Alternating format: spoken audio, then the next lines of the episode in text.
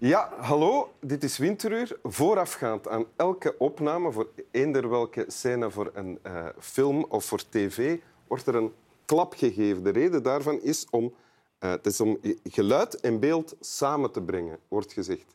En daarmee bedoelden ze dat ze, wanneer ze gaan monteren, dat ze kunnen teruggaan naar dat moment dat ze zowel iets visueels hebben als iets auditief. Want een klap maakt geluid.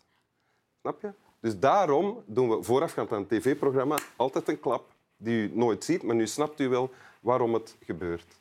Voilà. Uh, welkom in Winteruur, Swami Bami. Welkom in Winteruur, Robrecht van den Toren. Dank je wel. Acteur, ik ging me na zeggen advocaat. Advocaat, ja. Ik zie er vandaag misschien wel meer advocaat dan acteur. Acteur voor tv, toneel en je hebt ook een solo gemaakt. Zeker. De Hoogste Berg, een solo die ik heb gezien een half jaar geleden iets meer, nog voor corona. Nog voor corona. En waar ik enorm van genoten heb en die je nog altijd speelt. Ja, ja, die speelt. En je kan die speellijst trouwens checken op www.robrechtvandentoren.be. voilà. Het is de moeite, het is de moeite, zeg ik. En je, ik zie dat je al klaar zit met je tekst. Ja, ja, ja. Of dat was toch gevraagd. Ja, dus, dus lees maar voor. Ik ga hem lezen. Wij die in concentratiekampen hebben geleefd, wij zijn de gevangenen niet vergeten die door de barakken liepen om anderen op te beuren en te troosten, die hun laatste korst brood aan een medegevangene schonken.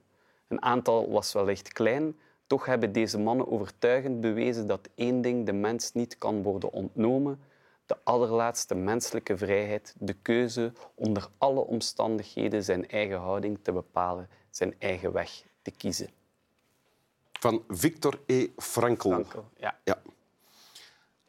Hoe en wanneer heb je dit leren kennen?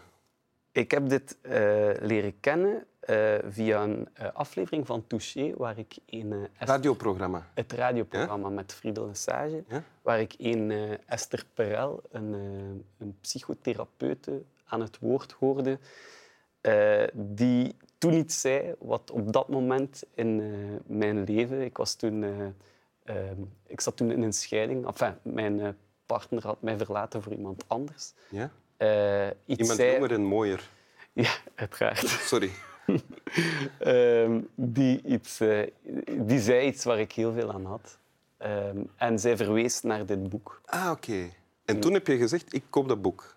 Ja, ik heb dat boek toen... Ja, ik was toen heel zoekende naar, naar maar signaal. Wacht, hè. laat me raad. Dus je hebt dat boek dan besteld, je hebt het uh, gelezen en het heeft je geholpen? Ja. ja, eigenlijk wat zij zei had mij al geholpen. Ja? Uh, uh, maar het boek heeft dat wel versterkt nog. En is dit voor jou dan de idee in het boek die jou het meeste helpt, wat ja, hier staat? Ja, eigenlijk wat die Esther Perel in dat interview zei, was ehm, kort door de bocht dat er eh, tussen iets dat je overkomt uh, en de reactie daarop, die je zelf geeft, dat er daar, uh, al is het een fractie van een seconde, een, een tijdspanne bestaat waarin dat uw persoonlijke vrijheid zit. Met name dat je zelf kunt initiëren hoe dat je gaat reageren. Ja, en die idee wordt ook in je tekst. Ja, ja. Want als ik in mijn woorden zeg, moet jij zeggen of het klopt, hè, wat ik zeg. Uh, dus Victor Frankl zegt, wij in de concentratiekampen. Hij zat zelf ook in een concentratiekamp. Ja, hij is een overlever van een concentratiekamp. We mogen niet vergeten dat er medegevangenen waren die, ook al hadden ze zelf geneten, hier en daar eten uitdeelden aan anderen. Ja. En dat illustreert dat je, hoe erg de omstandigheden ook zijn, zelf nog altijd kan bepalen wat je houding is tegenover die omstandigheden. Precies, ja. En dat is ook wat jij zegt, dat Esther Perel ja, ja zij, zij, zij, zij zei dat iets anders dan dat hier uh, geformuleerd staat. Ze had het namelijk over die milliseconden, wat dat eigenlijk dan toonde uh, voor mij van... Het is, het is in alle reacties die je geeft dat je eigenlijk kunt beslissen wie dat je, wie dat je bent. En ik wil dat even loskoppelen, want er zijn ook... Uh, de, de, je hebt ook de maakbaarheid van de mens, iets wat ik helemaal niet geloof. Ik denk dat heel veel mensen dingen tegenkomen die ze helemaal niet in de hand hebben, al, al misschien van de geboorte af. Uh, dus het is niet dat ik daar iets over, daarmee, daar iets over wil zeggen, maar uh, ik zat in een situatie waarin dat ik het gevoel had dat ik een soort speelbal was even van de dingen die mij overkwamen. Ik had heel weinig uh, stabiliteit nog. Uh, en, en, een slachtoffer. Je was een slachtoffer. Ik voelde mij echt heel erg slachtoffer. En ik wou me daar niet in wentelen, maar ik vond niet onmiddellijk handvaten om daar iets mee en, te doen. Sorry dat ik je onderbreek. Wat wij doen wanneer we ons slachtoffer voelen, vaak, is, vanuit, is gewoon meteen reageren. Kwaad, uh, bitter of u, u, net u terugtrekken. Weet ja. wel allemaal. Ja. Dat is een normale manier van reageren. Ja, ja, en, en een heel groot, ja, ik had toen zeker een heel groot uh, gevoel van falen, omdat eigenlijk alles gebouwd iets op en ineens valt dat helemaal weg. Je gezin valt uiteen, je komt voor financiële problemen of ja. uitdagingen op zijn ja. minst. Uh, emotionele uitdagingen. Dus, dus je hebt op dat moment... Uh, allez, of ik was heel erg verrast door die situatie, dus ik had niet zoveel... Uh, ik had me daar niet op voor, op voor kunnen bereiden. Ja. Uh, Jammer. Ja, dus in die zin was ik, had ik heel veel aan, aan, aan die woorden. Want op welke manier maakte dat dan een verschil, deze woorden of die idee die Esther Perel had geformuleerd?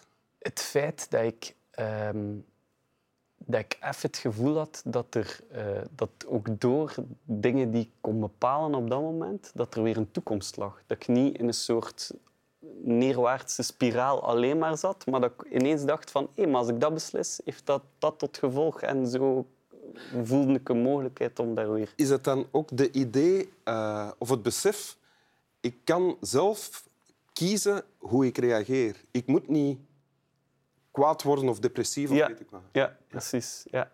Dus dat ben je dan ook gaan doen? In de mate van het mogelijke. Ik, zeg niet dat, ik wil er zeker niet mee zeggen dat ik dat perfect... Uh, nee. Ik denk ook niet dat, er een, een goede... Ja, natuurlijk.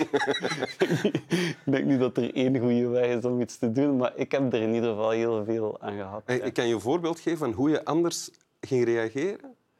Ja, ik... ik uh, um, ja, ik, ik, ik denk dat ik ook meer vanuit de ander ben beginnen denken, eigenlijk. Uh, hoe, is het, hoe is het aan de andere kant? Hoe moeilijk dat, dat dan op, op uh, sommige momenten ook is. Uh, bijvoorbeeld.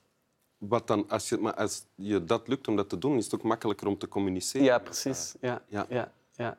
Proberen u te verbeelden, in de ander zijn schoenen te stellen. En waarom dat die doet tegenover jou wat die dan aan het doen is. En eh, door dat te doen, kan je dan, gaat het, gaan dingen makkelijker? Of ja, je kunt makkelijker, uh, denk ik, de juiste, allee, voor mij dan, de juiste beslissingen ja. uh, maken. Ja. Oké, okay, goed. En hoe is het nu?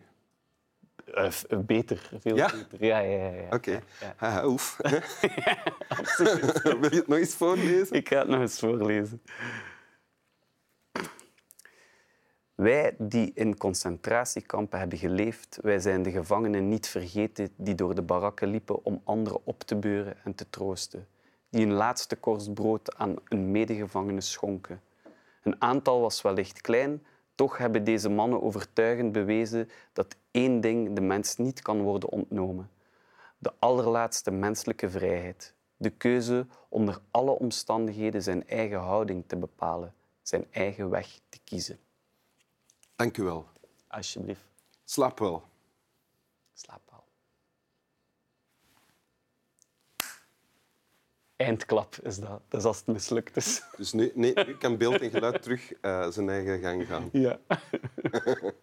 Los van elkaar.